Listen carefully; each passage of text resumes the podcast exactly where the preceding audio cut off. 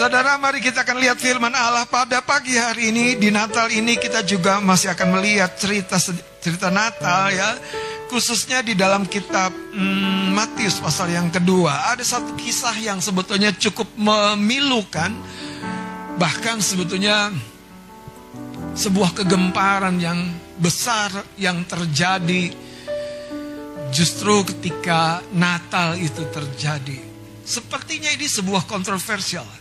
Tapi inilah sisi lain supaya kita mengerti bahwa jiwa manusiawi kita itu perlu kita kelola, saudara, kita jaga. Nah, Matius pasal yang kedua, mari kita kembali bangkit berdiri, kita akan baca tiga ayat ini dari ayat 16. Mari kita bangkit berdiri. Haleluya.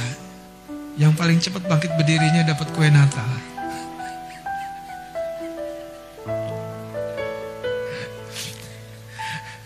Haleluya. Perlu motivasi beda saudara kalau Natal itu ya.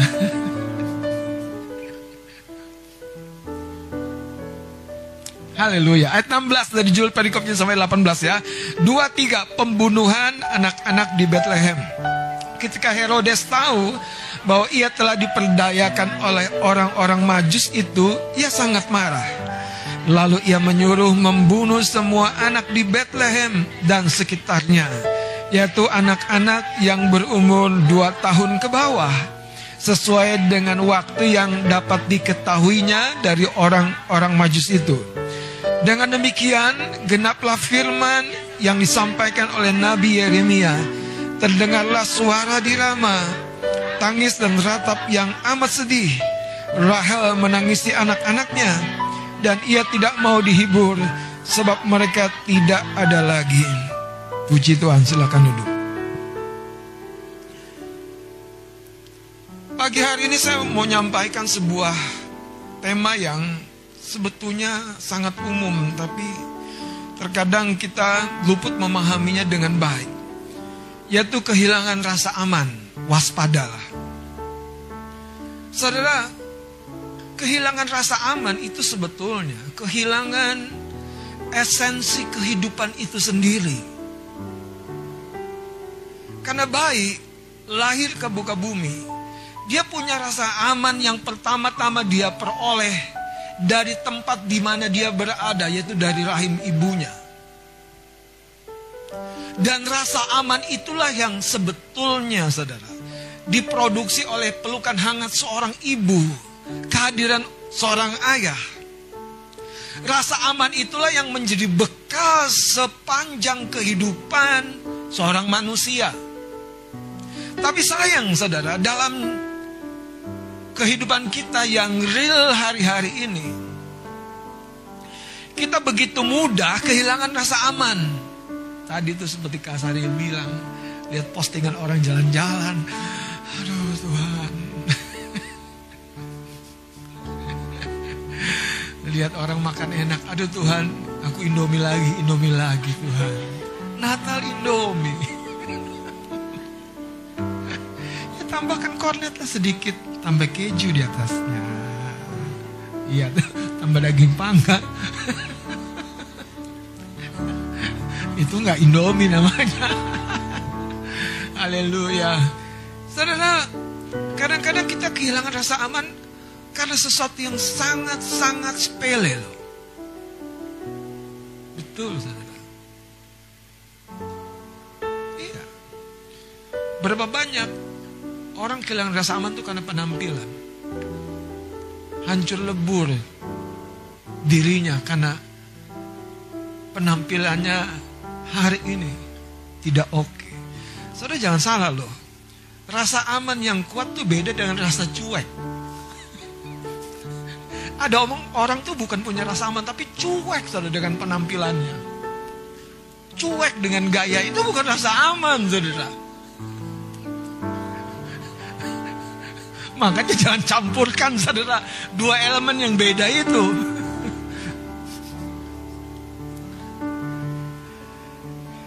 Ada bapak-bapak yang punya rasa aman tidak bawa dompet. Saya berdoa tidak ada di tempat ini.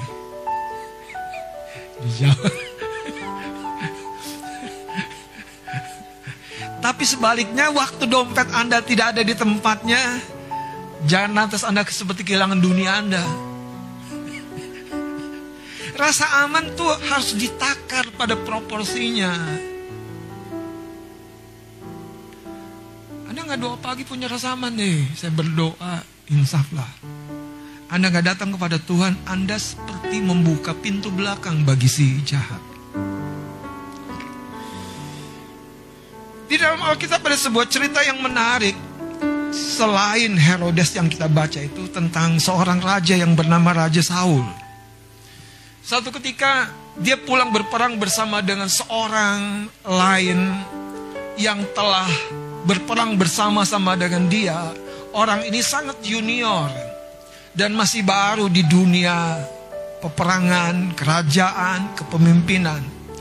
Bahkan tidak ada latar belakang yang memungkinkan orang ini akan merebut posisinya sebagai raja. Yaitu Daud. Saya tidak bilang Daud sebagai raja. Saya tidak bilang Daud sebagai panglima. Saya bilang Daud sebagai orang baru, junior. Tetapi ketika pulang dari berperang itu ada kelompok masyarakat wanita-wanita yang menyanyikan sebuah nyanyian spontanitas. Anda harus paham yang namanya nyanyian spontanitas. Itu sebuah refleksi dari hati dan jiwa kita. Wanita ini menyanyi saudara. Menyanyinya mungkin saudara. Dari satu dua orang jadi sekelompok orang yang menyanyi dengan sebuah pesan yang sama. Yaitu apa? Saul mengalahkan beribu-ribu. Tapi Daud mengalahkan berlaksa-laksa. Dan perkataan itu menyebalkan hati Saul. Siapa di sini yang belum pernah sebal? Siapa di sini yang selalu adem ayem, saudara? Wede. Itu cuek atau punya rasa aman itu.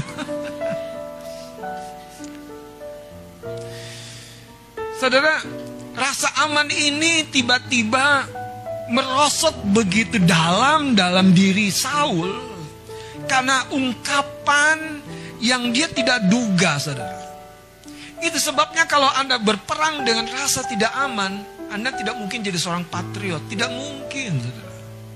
Rasa amanlah justru yang membuat Anda menyerahkan seluruh hidup Anda kepada Tuhan. Rasa amanlah yang membuat Anda jadi orang yang berbeda tahun ini dengan tahun depan. Rasa amanlah yang membuat Anda bisa tidak melakukan apa yang kemarin dan Anda lakukan sekarang. Rasa amanah yang membuat Anda berhenti dari hidup lama Anda dan mentaati apa yang juru selamatmu ajarkan, yaitu menerima dan mengampuni, melepaskan saudara sebuah kasih yang selama ini bahkan engkau sepertinya butuhkan. Saya selalu nasihati banyak anak-anak muda, kalau engkau ingin punya banyak sahabat, sebetulnya jadilah sahabat bagi orang lain. Dan itu sebuah tipuan besar di dunia ini. Aku dilupakan orang, aku tidak disukai. Siapa bilang, saudara? Orang tidak tidak pernah itu bersahabat yang pertama-tama karena kekayaannya, karena tampangnya tidak pernah. Tapi orang bersahabat itu karena attitude, sikap, yaitu keterbukaan. Apakah Anda seorang yang punya rasa aman? Sehingga Anda punya banyak sahabat. Bahkan orang yang mungkin Anda bilang Aku nggak mau bersahabat dengan dia karena dia siapa? Penjahat. Tapi aneh, Anda bersahabat dengan orang itu, bersahabat itu artinya Anda cukup dekat dan cukup kenal. Bukan dia mempengaruhi Anda, tapi Anda mulai mempengaruhi dia. Anda mulai mempengaruhi dia. Yesus mempengaruhi bahkan kelompok masyarakat yang paling dibenci pada waktu itu siapa? Pemungut cukai. Masalahnya rasa aman kita, kita harus tahu sedang makin merosot atau makin tambah. Ada orang posisi makin naik, rasa amannya makin merosot. Karena dia harus mempertahankan dengan kekuatannya, dengan hikmatnya, dengan cara-caranya, dengan semua hal yang dia bisa lakukan. Dia tidak menyadari Tuhan yang mampu menjaga kita. Coba lihat ayat ini saudara. Ketika Herodes ayat 16 tahu bahwa ia telah diperdayakan oleh orang-orang majus, itu ia sangat marah. Ini berita Natal yang saudara betul-betul memunculkan sesuatu yang sebetulnya menjadi sebuah rancangan setan di dalam hati seorang yang punya posisi. Apakah orang majus itu tahu melalui media sosial? Kalau aku kembali ke Herodes mati aku enggak. Majus hanya tulus-tulus saja. Tapi dengar, orang yang tulus selalu mendapat peringatan dari Tuhan. Yusuf mau ceraikan tunangannya Maria. Mau ceraikan tunangannya Maria. Eh, malaikat bilang, Job, jangan Job. Saudara, Orang yang punya rasa aman itu dapat dengan mudah tulus. Dia nggak complicated. Nanti gimana, nanti gimana, nanti gimana. Nggak heran kalau di wajah kita tambah karena terlalu banyak nanti gimananya. Nanti gimana ya, nanti gimana ya, nanti gimana ya. Nanti gimana ya Natalan ya. Aduh. Natalan di kandang domba lah. Natalan gimana? Ya, lihatlah gembala-gembala yang kemarin itu saudara. yang ketemu masih dadang. Haleluya. Saudara menurut Anda, Maria ibu Yesus itu, kenapa dia bisa melahirkan seorang bayi yang tidak di dalam perencanaannya? Karena rasa aman. Dia diintervensi oleh Tuhan. Wong dia udah bertunangan duluan dong. Sama Yusuf, calonnya. Tapi diintervensi. Anda tahu kalau hidup Anda diintervensi, punyalah rasa aman. Kalau tidak, setan dapat kesempatan. Setan dapat kesempatan mulai menggerogoti hatimu. Karena rasa aman itu di dalam diri kita. Dan setan manfaatkan itu menjadi sebuah jalan masuk dan membuat satu markas di dalam dirinya. Ada orang rasa amannya tuh gampang sekali terganggu dengan prestasi orang. Ada orang rasa aman, masalahnya di materi. Anda tahu siapa Ayub? Yang paling saleh yang paling kaya. Tapi rasa amannya bahkan tidak di dalam anak-anaknya. Tidak di dalam kekayaan bisnis usahanya. Tidak di dalam reputasi rohaninya. Tidak. Ayub ketika Tuhan izinkan setan dalam izin, seizin Tuhan. Untuk memurnikan Ayub, makanya dia berkata, kalau aku keluar lewat ini aku akan jadi emas. Ayub tahu siapa dirinya. Aku emas, ya sekarang aku sedang dibakar. Dan Ayub punya rasa aman, aman yang justru semakin dalam, semakin berakar. Dia berkata begini, Tuhan yang memberi Tuhan. Coba katakan dengan percaya, Tuhan yang memberi Tuhan. Kalau handphonemu hilang diambil. Oh Tuhan, banyak memori indah di sana. Oh, Tuhan, banyak nomor klienku di sana. Habislah Tuhan. Oh Tuhan. Rasa aman Anda di mana? Di mana? Di penampilan, di kekayaan. Ada orang punya rasa aman tuh apa yang namanya? Di di di lingkungan, Bahkan kadang-kadang ada orang punya rasa aman tuh di dalam sebuah karakter-karakter baik yang terlalu. Menurut Anda, Marta baik nggak?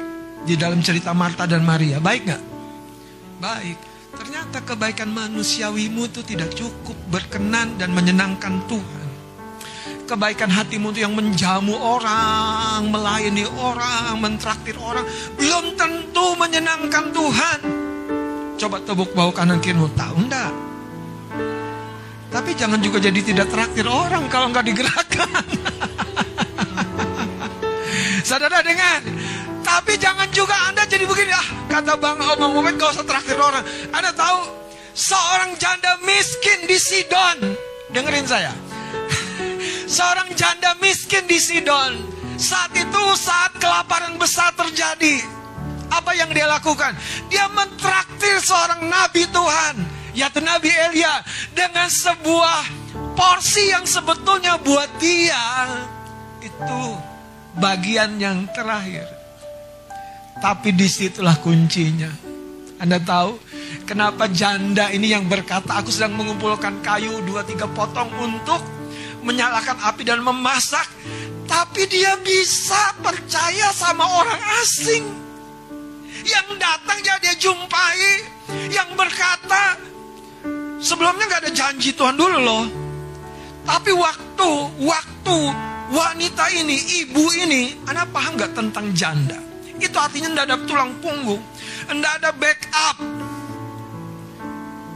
Ibu-ibu, apa kabarmu? Rasa amanmu di suamimu?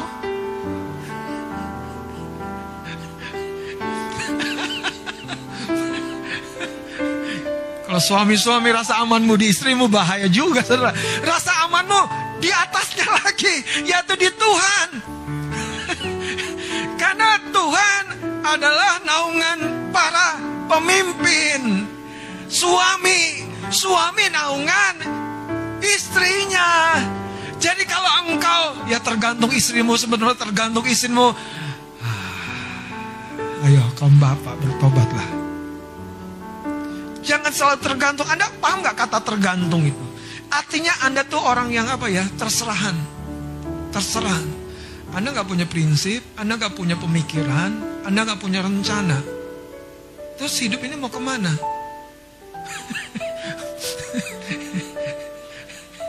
Mengalir? Ah, emang kamu ada di sungai yang mana? Ikuti arus. Emang kamu ada arus di mana? Saudara dengar, rasa aman inilah yang sebetulnya hilang dari para orang-orang yang harusnya ada di posisi memimpin. Sehingga dia tidak jadi pemimpin yang sebetul-betulnya. Memimpinlah bukan karena Anda mampu memimpin, memimpinlah karena Anda di posisimu. Memimpinlah bukan karena semua yang orang lain punya. Tapi memimpinlah dari seberapa yang Allah percayakan kepadamu. Itu yang Daud lakukan kepada dua tiga ekor dombanya. Dia pimpin, dia jaga, dia lindungi. Dengan segenap hidupnya ketika beruang singa datang. Dia nggak tunggu bantuan, dia tinggal tunggu pertolongan. Alkitab mencatat, justru dia kejar singa itu. Orang seperti apa? Remaja seperti apa? Yang ketika singa datang menerkam dombanya, itu bukan ditinggal bersembunyi. Tapi justru berlari. Tapi yang menarik, kalau Anda baca dengan jeli, Daud menikam, Anda harus paham kata-kata itu. Artinya, Daud memiliki sesuatu di dalam dirinya, bukannya keberanian, bukannya rasa aman. Dia terlatih. Makanya rasa aman itu bukan cuek. Rasa aman itu datang dari training. Kalau Anda tidak mau ditrain oleh Tuhan, saya jamin Anda nggak akan tahan di atas. Up, down, up, down.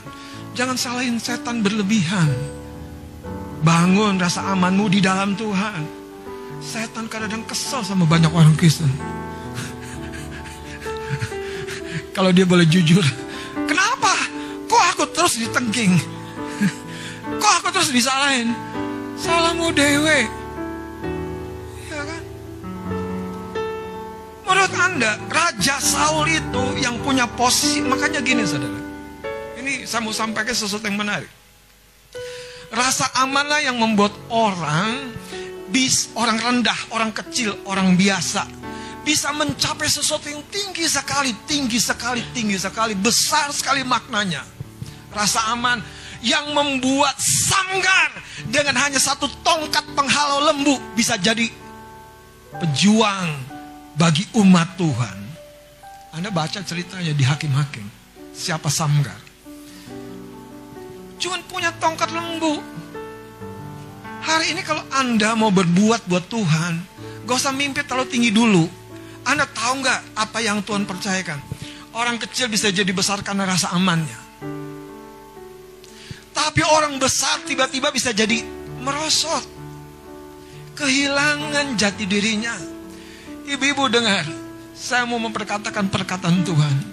Waktu kita doa, ada satu gambaran yang Tuhan sampaikan itu seperti pagar bagi kita. Dan Tuhan berkata, aku sebetulnya yang menjaga jiwamu. Bukan suplai yang datang secara materi di sekitarmu.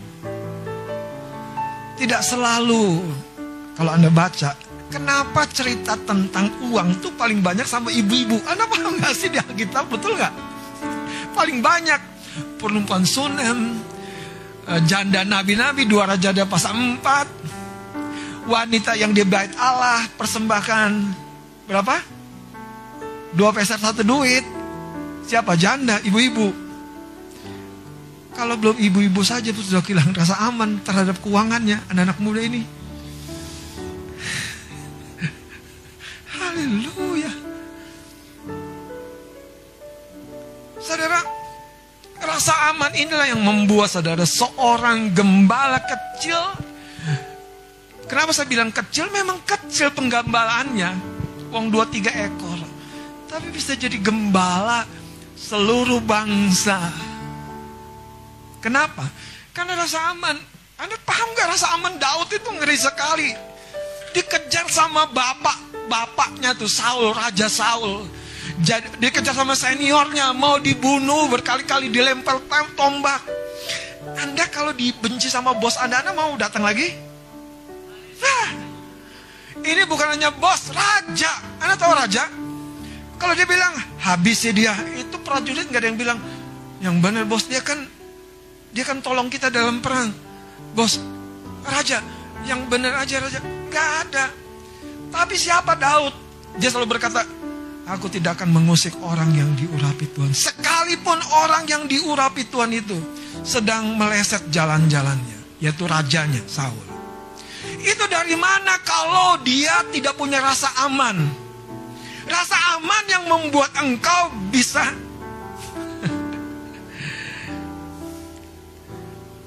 Ada wanita zaman sekarang, maaf ya Kak Kristin, yang nggak mau lahir normal. Karena kehilangan rasa aman. Halo Mas Kris. Tuhan sediakan semuanya. Tuhan sediakan semuanya. Belum apa-apa sudah merancang. Jauh-jauh hari untuk operasi. Di mana Tuhanmu yang menuntunmu. Saudara, sekalipun bahkan kita berpikir kita punya semua faktor yang tidak memungkinkan lahir normal. Bawa di hadapan Tuhan. Rasa amanmu bukan di dokter. Rasa amanmu bahkan bukan di obat. Sekalipun itu adalah jalan Tuhan menolong kita.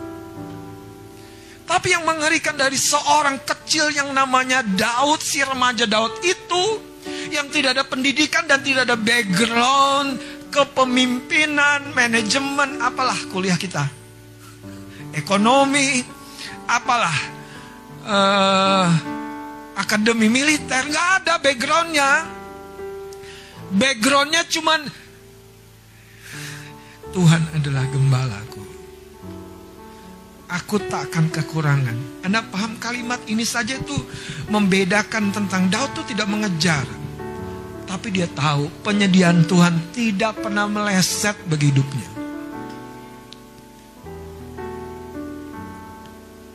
Jangan cuek. Miliki rasa aman yang sesungguhnya di dalam Tuhan. Ya aku sih nggak mikirin. Nah coba anda kalau ada orang denger gitu. Aku sih nggak mikirin bang yang terjadi hari esok ya esok aja. Aku ngalir aja. Kan tadi ngalirnya ke mana? Anda tahu nggak sih orang kepepet tuh orang kepepet tuh baru kelihatan rasa amannya bener atau enggak. Kalau Anda kepepet, kedempet dan Anda tetap stay, tetap tinggal pada tempat di mana Anda meyakini Tuhan bukan hanya melihat, dia sangat peduli.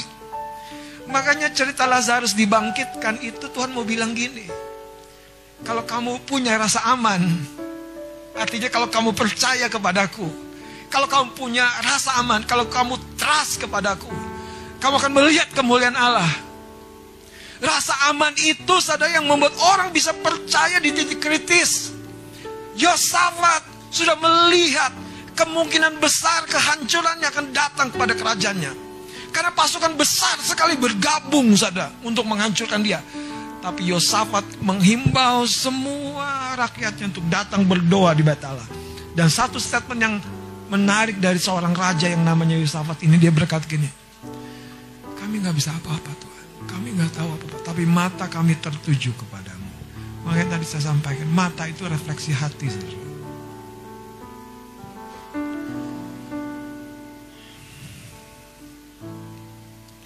Sudahkah kita temukan rasa aman yang sedang hilang? Dan kita perbaiki, kita bangun kembali. Kehilangan rasa aman itu kehilangan sebuah unsur yang paling pertama Tuhan taruh dalam hati manusia. Apa yang terjadi dengan Adam dan Hawa? Ketika jatuh dalam dosa, kehilangan rasa aman. Dia berkata, takut waktu mendengar langkah Tuhan di taman itu, aku takut dan bersembunyi. Ada dan hal bersembunyi karena takut kehilangan rasa aman. Apakah Tuhan tidak tahu mereka berdosa? Tetapi kenapa Tuhan tetap mencari Adan dan Hawa? Karena dia mau berkata aku bapamu. Tapi ini yang kita harus pahami. Dari mana rasa aman kita makin merosot, makin hilang? Karena kita, saudara, membiarkan bukan hanya dosa, tapi semua prinsip-prinsip dunia ini mengerosi semua emosi kita, mengerosi, menghancurkan, mengganggu pemikiran-pemikiran kita. Anda pernah lihat orang yang sebelumnya baik-baik saja tiba-tiba tidak baik? Kalau Anda serambi dalam hatinya, tiba-tiba dia bisa cemburu karena kehilangan rasa aman. Anda tahu cemburu itu bukan karena memang ada alasannya. Tapi kalau Anda baca, roh jatuh dapat kesempatan membuat roh cemburu itu mengganggu sebuah hubungan. Hari ini saya berdoa saudara, di level mana kita membangun dan menjaga rasa aman kita. Untuk Anda dapat berjalan bersama dengan Tuhan. Ini Anda boleh catat. Anda harus memiliki rasa aman. Yang cukup. Yang cukup. Artinya Anda harus takar. Jangan terlalu kepedean. Kenapa saya bilang rasa cukup? Yang cukup saudara. Tuhan sering kali kasih bekat tuh dikit saudara kita. Dikit saudara. Makanya banyak orang tuh nggak punya rasa aman karena dia hitungannya besar. Rasa amannya kepada harta, dukungan. Rasa amannya Gideon, apakah tentaranya yang besar? 32 ribu kalau nggak salah. Justru bilang, hambaku 300 cukup bagimu. Ayo, kalau Anda tidak punya rasa aman yang cukup, Anda tidak bisa berjalan melewati tahun ini sampai ke tahun depan.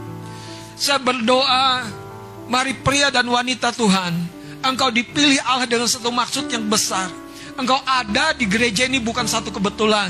Bapak Ibu Saudara yang menyaksikan melalui streaming, saya berdoa Anda tahu pernyataan Tuhan ini. Karena ada rencana Tuhan yang besar sekalipun engkau hari ini tidak punya arti sama sekali sepertinya.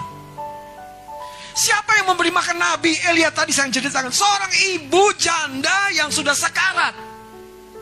Siapa yang memberi lima roti dan dua ikan kepada tangan Yesus yang memberi makan lima ribu jiwa? Siapa Kayumi? Juru masak harus tahu cerita ini. oh, kantin ceria harus punya moto. Lima roti dan dua ikan, lima ribu, lima ribu jiwa dikenyangkan. iya, jangan lupa bayar bang. Siapa? Itu hanya seorang sepertinya anak kecil. Karena dikatakan lima roti itu bukan du, lima roti dus. Lima dus roti. Lima roti apa tuh? Tahu nggak roti buaya? Orang Betawi tahu nggak? Kayak buaya rotinya. Kalau Natal kan ada rotinya kayak tongkat gitu kan banyak. Ini roti kecil ada. Dan Yesus punya rasa aman terus berjalan dalam rencana dan kehendak Bapa bukan karena hitung-hitungannya yang pertama, tetapi karena dia taruh misinya, dia taruh hidupnya, dia taruh jalan-jalannya, langkahnya kepada Tuhannya, yaitu Allahnya, Bapaknya. Makanya di kayu salib, yang paling masalah bukan orang yang meninggalkan dia, yang paling masalah, maaf, bukan ketika jubahnya diambil dari tubuhnya, maaf, ditelanjangi Yesus. Bukan itu, tapi yang membuat dia terganggu jiwanya ketika bapaknya seperti meninggalkan dia. Itu yang dia keselukan Eli, Eli lama sabah tami. Saudara, apakah engkau hari ini punya rasa aman tentang masa depanmu? Saya percaya kata-kata saya sedang bergaung. Dan di mana rasa amanmu? Di cuekmu itu? No, saudara. Taruh ada sebuah lagu. Sebab ku tahu, sebab tak ku tahu, kan hari esok. Namun langkahku tegap, weh, langkahku tegap. Bagaimana Karut? Sudah cukup tegap? Orang yang langkahnya tegap itu akan memimpin orang lain. Orang yang langkah tegap itu menggambarkan jiwanya utuh, aman. Dia akan selalu bilang begini, enggak hari ini besok aku akan ketemu berkat Tuhan. Enggak hari ini, enggak hari esok. Esoknya lagi aku percaya penyediaan, pemeliharaan Bapakku.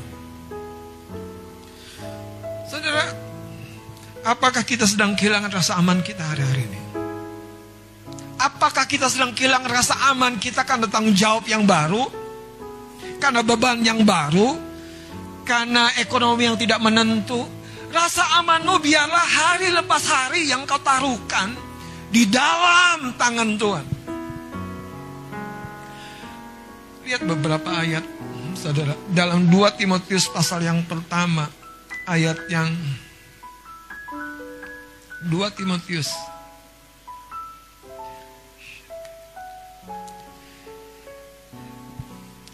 Lihat ayat yang ke-11.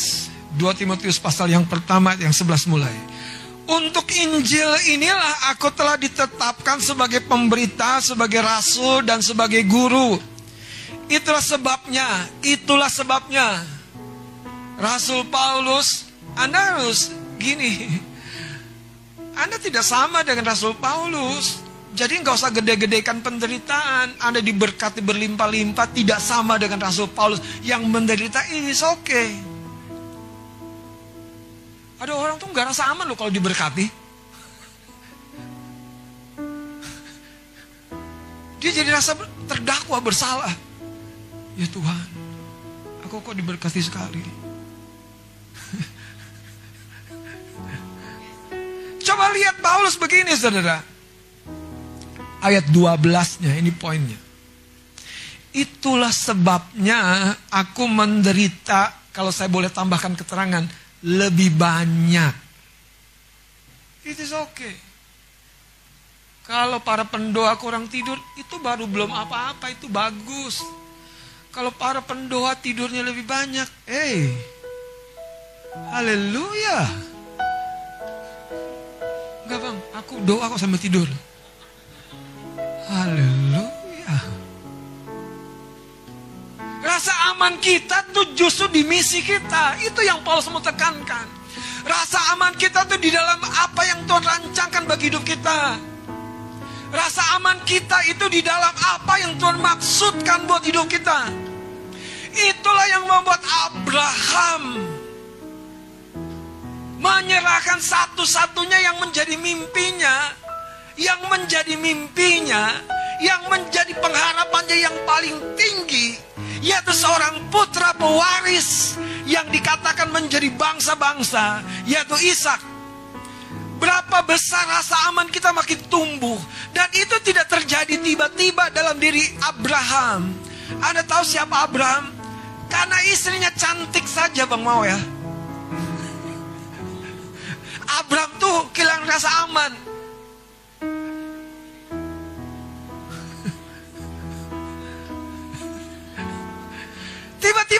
Sama istri, eh kamu kalau ditanya sama raja negeri ini bilang saudaraku ya.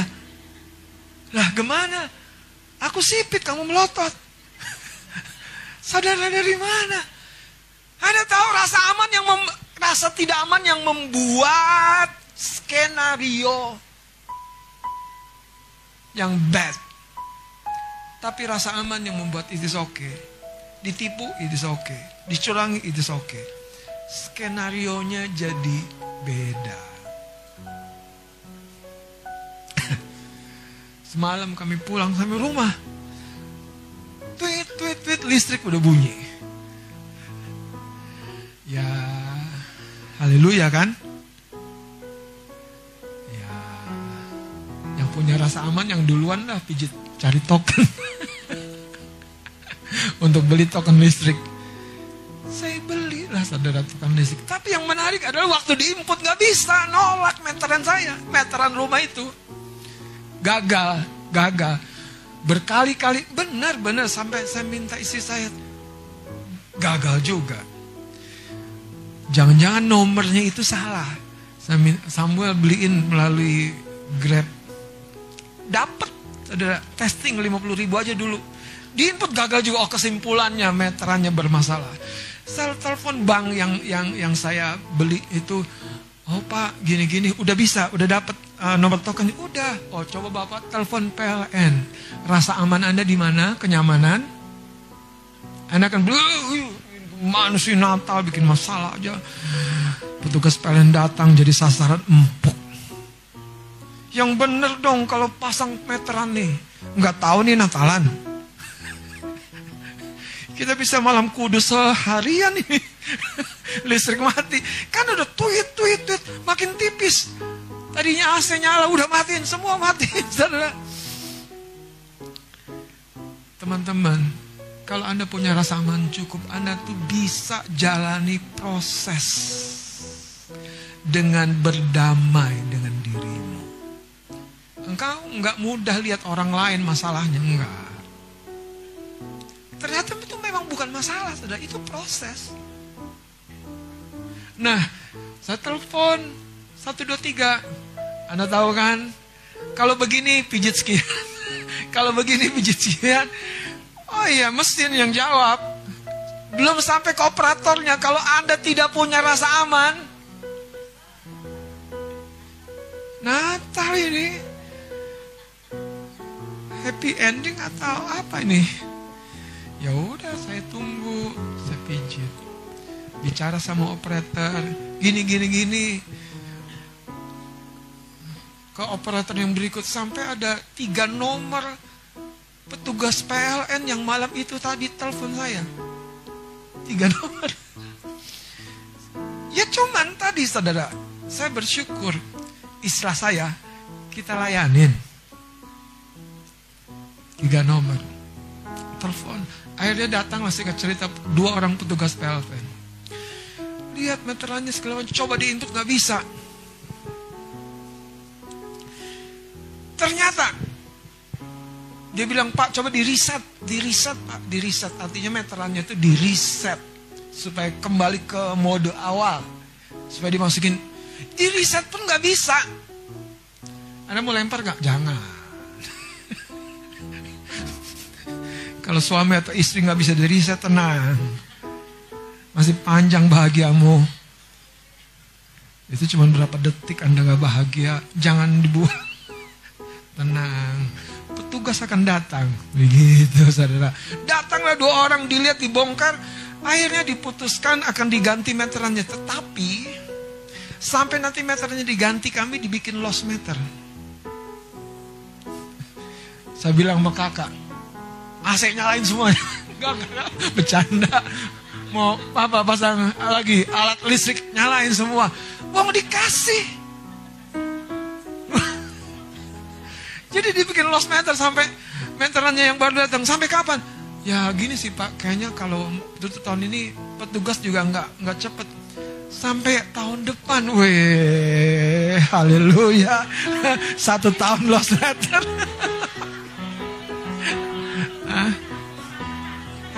Mau ke rumah saya? Nebeng ya? Kelihatan kali rasa amanku. Kalau yang punya mobil listrik, motor listrik, Bang permisi ya mau ngecas. Ya Bang Jen ya. Ngecas motor. Habis listriknya lost meter.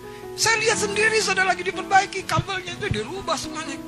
Anda tahu nggak sih Tuhan itu lebih daripada petugas PLN itu.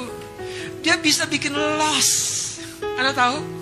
Nggak habis-habisnya berkat buatmu. Yang tadinya engkau cuma keluarin berapa ratus itu ternyata sudah di save untuk tahun depan. Nanti bapak masih bisa pakai token listriknya. Masih bisa pakai. Kenapa? Karena saya tanya pak ini nomor ini untuk satu nomor meteran. Iya pak, tenang saja. Wah, tenanglah hatiku. Hidup ini ya tahu nggak saudara?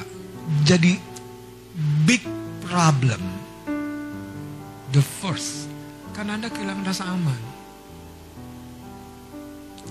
Eh, Anda kalau punya luka, makanya jangan dibiarkan di dalam jiwamu. Luka dengan suami, luka dengan istri, itu akan memberi kesempatan setan tuh menaburkan apa? Tadi tuh kayak Saul sama seorang yang justru mendukung misinya.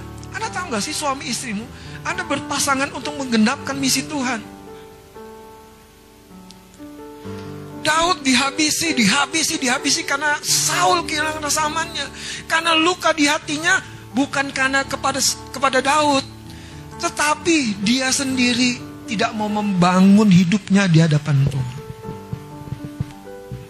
Kalau Anda baca saya pernah terangkan, Saul itu dikawal 600 orang. Ketika masa krisis ke Mispa, dikawal 600 orang. Anda baca raja mana yang kalau lagi sedang menyingkir dikawal begitu banyak orang? Itu karena rasa amannya kritis sekali, saudara. Makanya saya berdoa, jangan jadi orang yang kritis rasa amannya. Gak ada yang WA selamat Natal bang. Ya kamu lah yang WA lah. Udah saya bilang kan, kalau mau jadi sahabat, kamu kalau punya banyak sahabat, kamu yang mulai jadilah sahabat. Menurut Anda mana ada berani orang pemungut cukai, pelacur itu datang sama Yesus, tapi Yesus menjadi sahabat buat mereka. Karena Yesus berinisiatif membawa terang di dalam dirinya. Jangan bilang saudara, anda dilupakan, Anda yang sering melupakan orang. Kok apa begitu? Emang iya? Nama nata. Petugas mau pulang, istri tepuk, uh, anak saya tepuk, Papa. Ya apa? Selesaikan dengan happy ending. Anda tahu kan? Selesaikan dengan salaman yang berisi. Gitu maksudnya. Jadi kenapa saudara? Uang kita bukan hanya damai, kita dilimpahi listrik.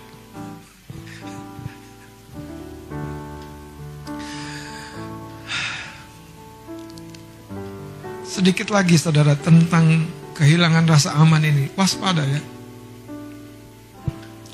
Menurut Anda, Lot itu punya rasa aman yang cukup enggak? Enggak. Dia memiliki sebuah kehidupan rohani yang membangun rasa aman enggak? Enggak. Berkatnya makin besar, justru Lot makin masalah. Gembala-gembalanya bertengkar dengan pamannya Abraham yang justru membawa kepada sebuah perjalanan keberkatan. Berpisah Lot, yang ngeri, ternyata Lot memang baru terungkap siapa dia. Lot punya rasa aman kepada semua hartanya. Dia memilih lembah tempat di mana sungai Yordan mengalir dan semua hijau di sana. Tetapi Abraham punya rasa aman. Kamu pilih ke kanan, aku akan ke kiri. Kamu pilih ke kiri, aku akan ke kanan. Abraham punya betul-betul rasa aman yang membuat dengerin saya, Bapak Ibu yang bersaudara. Jangan ada perselisihan sebab kita bersaudara. Banyak orang tuh untuk mengalah. Kan dia yang salah. Bahkan papa yang salah. Kan mama yang salah. Kita ini keluarga. Kan Pak Gembala yang lupa menyapa saya. ya sorry kalau saya lupa. Kemarin saya ngobrol sama istri saya. Gimana ya? Tanganku hanya dua. Sehebat-hebatnya saya berdoa syafaat. Lagi dan lagi dan lagi dan lagi dan lagi dan lagi lagi. Tanganku hanya dua. Itu sebabnya saya harus taruh rasa aman saya. Bukan kepada pujian jemaat. Maaf. Maaf. Semoga Anda paham yang saya maksud. Bukan kepada roti kaling jemaat. Beneran loh. Makanya jangan rasa bersalah kalau Anda nggak datang ke rumah kami sebagai pendeta. Gembala. Kenapa? Karena istri saya bilang, ini bercandaan. Kalau di gereja budaya Batak, itu akhir tahun, wah, Kasari tahu kan? Pendeta terima jatahnya, tapi kami bukan begitu. Enggak, kami nggak cari itu. Kami lebih dari cukup disediakan Tuhan. Kami punya rasa aman. Kami nggak perlu dibanding-bandingkan. Kalau tugas abang mengejar domba-domba lebih banyak, kakak juga punya rasa aman. Beneran loh. Untuk tidur. Sama seperti saya untuk ngapain? Untuk baca Alkitab punya rasa aman. Karena kakak lebih rajin menelpon jiwa-jiwa. Itu yang saya kurang. Tapi saya punya rasa aman karena kami tahu. Kami punya kasih karunia beda. Kakak punya kepekaan yang beda, saya punya ke kepekaan yang berbeda. Kami punya rasa aman pada destiny kami, pada misi kami. Makanya kami berkolaborasi. Bapak Ibu teman-teman, kita keluarga, kita satu tubuh. Biarlah tangan menopang kaki, biarlah kaki menyertai perjalanan dengan rasa aman. Lot yang membuat dia akhirnya tinggal justru di kota Sodom. Anda tahu kan? Alkitab mencatat dia duduk di pintu gerbang. Dari seorang penggembala pengen jadi politikus.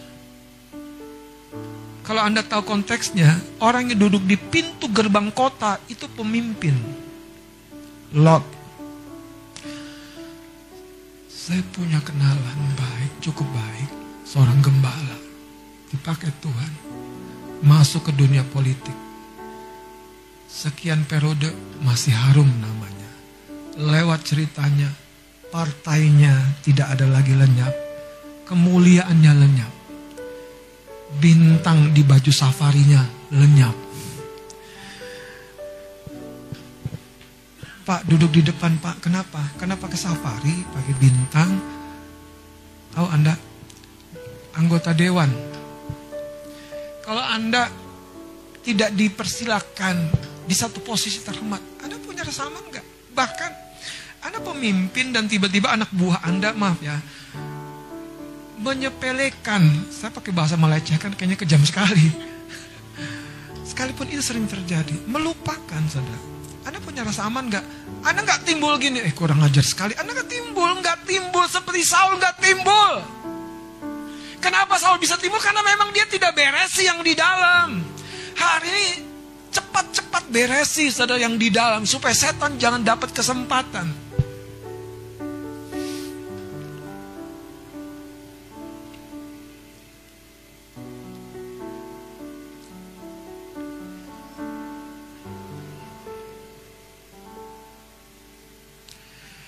Mari kita lihat saudara hal yang lain yang penting dalam Yakobus pasal 3.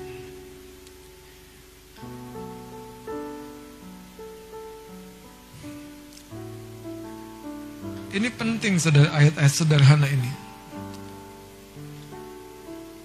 Ah, Yakobus 3 ayat 13. Siapakah di antara kamu yang bijak dan berbudi baiklah ia dengan cara hidup yang baik menyatakan perbuatannya oleh hikmat yang lahir dari kelemah lembutan, hati yang lembut, hati yang tidak konflik, hati yang ini poin yang berikutnya yang tidak boleh lepas dari dari catatan Anda. Orang yang bertumbuh rasa aman itu orang yang berdamai dengan dirinya. Anda tahu kalau naik motor tut tut tut tut brut masuk bengkel. Saya pernah ngalamin saudara. Sampai nggak bisa nebusnya. Haleluya Mas Kris. Tenanglah jiwamu. Tuhan penyedia kita. Anda tahu di sekolah itu bengkel saya. Rumah saya masih di Kreo. Dia pulang dari tanah kusir. Melambai saja kepada motor itu. Karena nggak bisa tebus dari bengkel.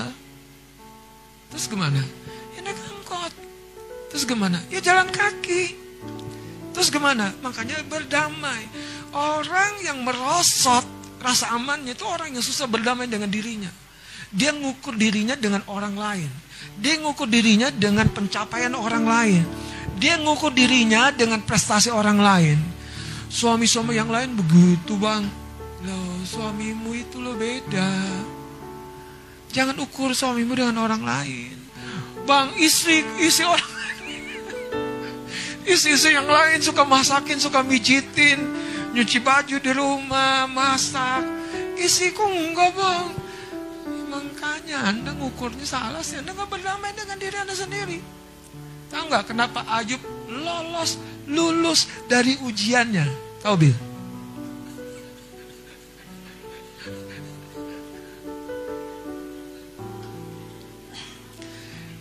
Karena Ayub berdamai dengan dirinya. Makanya dia tidak ceraikan istrinya bilang begini, eh masih bertekunkah kau? Eh, kupikir kau sudah lewat. Gitu bahasanya saudara. ya, Isi Ayub tuh kejam sekali loh Bang Wael. Ngeri kan? Ku pikir kau sudah lewat gitu. Tapi Ayub bisa lulus dan lolos Bang Jun. Iya Bang ke mana-mana. Ya biar tahu aja. Gimana Mas nih? Lolos dan lulus. Dan setelah lulus dan lolos berkatnya dua kali lipat. Dan anak-anak yang berikutnya tidak dicatat oleh Alkitab dan Ayub menjadi terkenal, banyak harta, pulih kesehatannya ganteng lagi dan dia punya istri baru.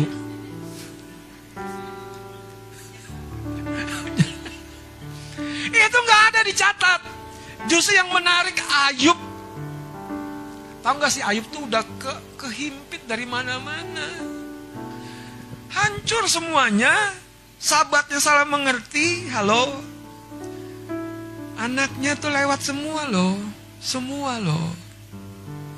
Anda baru kehilangan apa gitu. Aduh, hancur hidup. Iya, engkau yang bikin hancur. Lihat Ayub makanya saudara. Makanya ada sebuah lagu. Sekalipun hatiku dan batinku habis lenyap. Itu rasa amannya tuh di Tuhan. Lihat saudara. Saya mau tutup dengan Yakobus 3 ini ayat 14. Jika kamu menaruh perasaan iri hati, kenapa orang jadi iri hati? Kenapa orang jadi struggle dengan dirinya? Struggle dengan pencapaiannya. Aku gini-gini aja, aku gini-gini aja.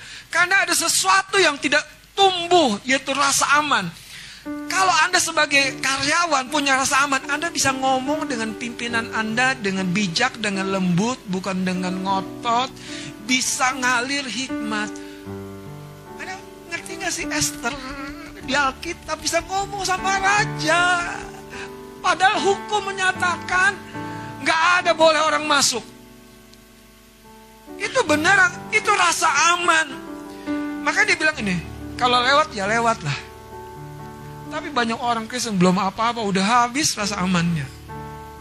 Makanya kalau Anda tidak waspada, Anda sedang di atas, Anda sedang diberkati, itu bisa hilang tapi kalau Anda waspada, bangun rasa amanmu. Anda makin stabil, makin stabil, makin stabil, dan makin stabil. Itu yang saya katakan Anda sedang dibawa dari kemuliaan, dari rasa aman kepada rasa aman. Rasa aman itu sebetulnya kemuliaan yang di dalam.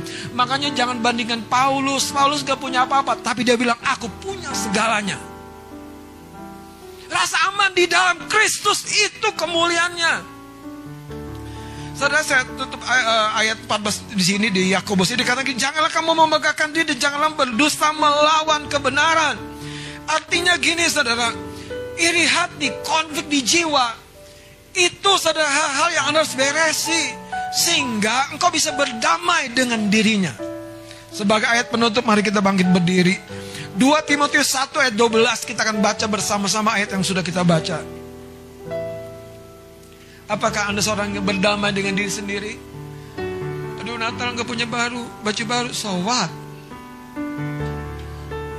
Aku bajunya yang dibengkelin semua, yang dipermak semua itu abang. Sekalipun ada juga yang baru sih kemarin beli. Tapi ya so what gitu.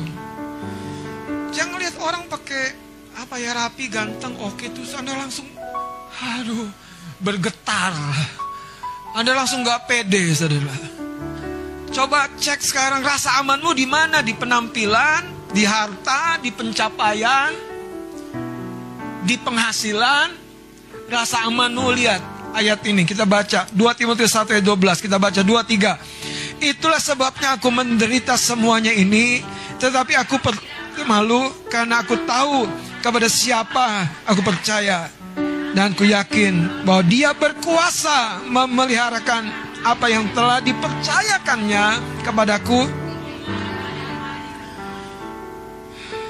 Kita angkat sebuah pujian.